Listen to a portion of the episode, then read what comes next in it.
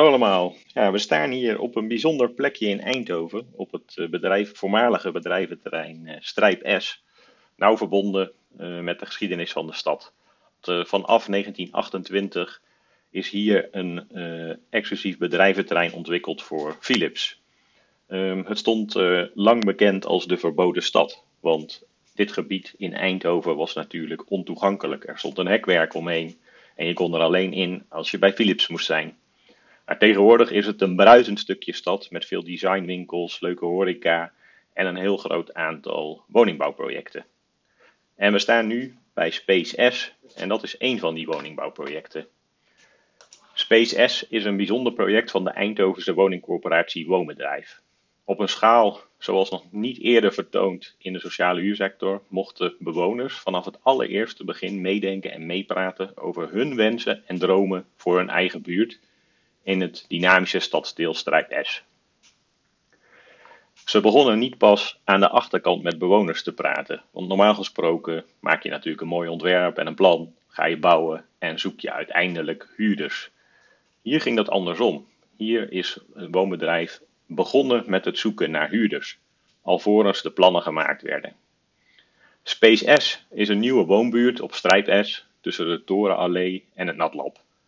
De ontwikkeling bestaat uit zeven gebouwen, waaronder een woontoren van ongeveer 54 meter. Het programma is een mix van verschillende woningtypen: appartementen, lofts, studentenwoningen, woningen met extra ruimte voor hobby of werk, dus meer atelierachtig, met verschillende woonoppervlakten.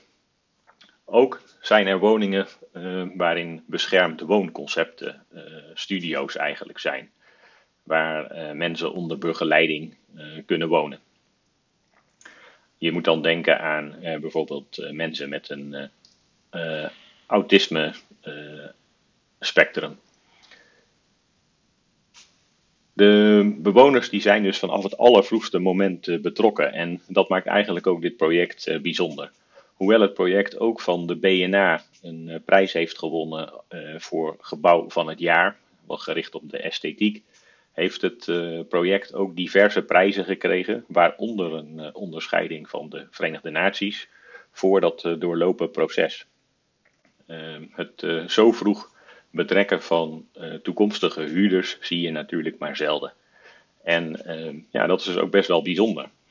Dat maakt ook het werk van Brink bij dit project wel bijzonder. Want normaal gesproken ligt er natuurlijk een ontwerp voor en ga je daarna een business case doorrekenen. Maar ja, dat was hier dus permanent in beweging, omdat de bewoners steeds uh, meespraken. Voor Boombedrijf, de opdrachtgever, was dat natuurlijk heel spannend. Zijn al die plannen wel haalbaar? En uh, dat is uh, iets wat Brink in beeld heeft gebracht door zowel de kosten als de opbrengsten van het project in beeld te brengen. Ook daarin zaten wel wat bijzonderheden, want ehm, ja, het is niet zo gebruikelijk dat er zoveel gemeenschappelijke ruimtes zijn. In dit project hebben mensen niet altijd hun eigen plek voor de wasmachine, maar staat die in een gedeelde ruimte. Ook zijn er specifieke ruimtes in de gebouwen die dienen als een soort woonkamer. Uh, waar de buurt elkaar kan ontmoeten. En dat kan natuurlijk ook bij uitstek op de gezamenlijke dakterrassen. Als het zonnetje lekker schijnt en je lekker buiten kunt zitten. Um, ja, de bewoners die hebben dus uh, heel duidelijk woonbedrijf geïnspireerd om tot het specifieke ontwerp voor dit uh, project te komen. Nou, en we kunnen met recht zeggen, het is prachtig geworden.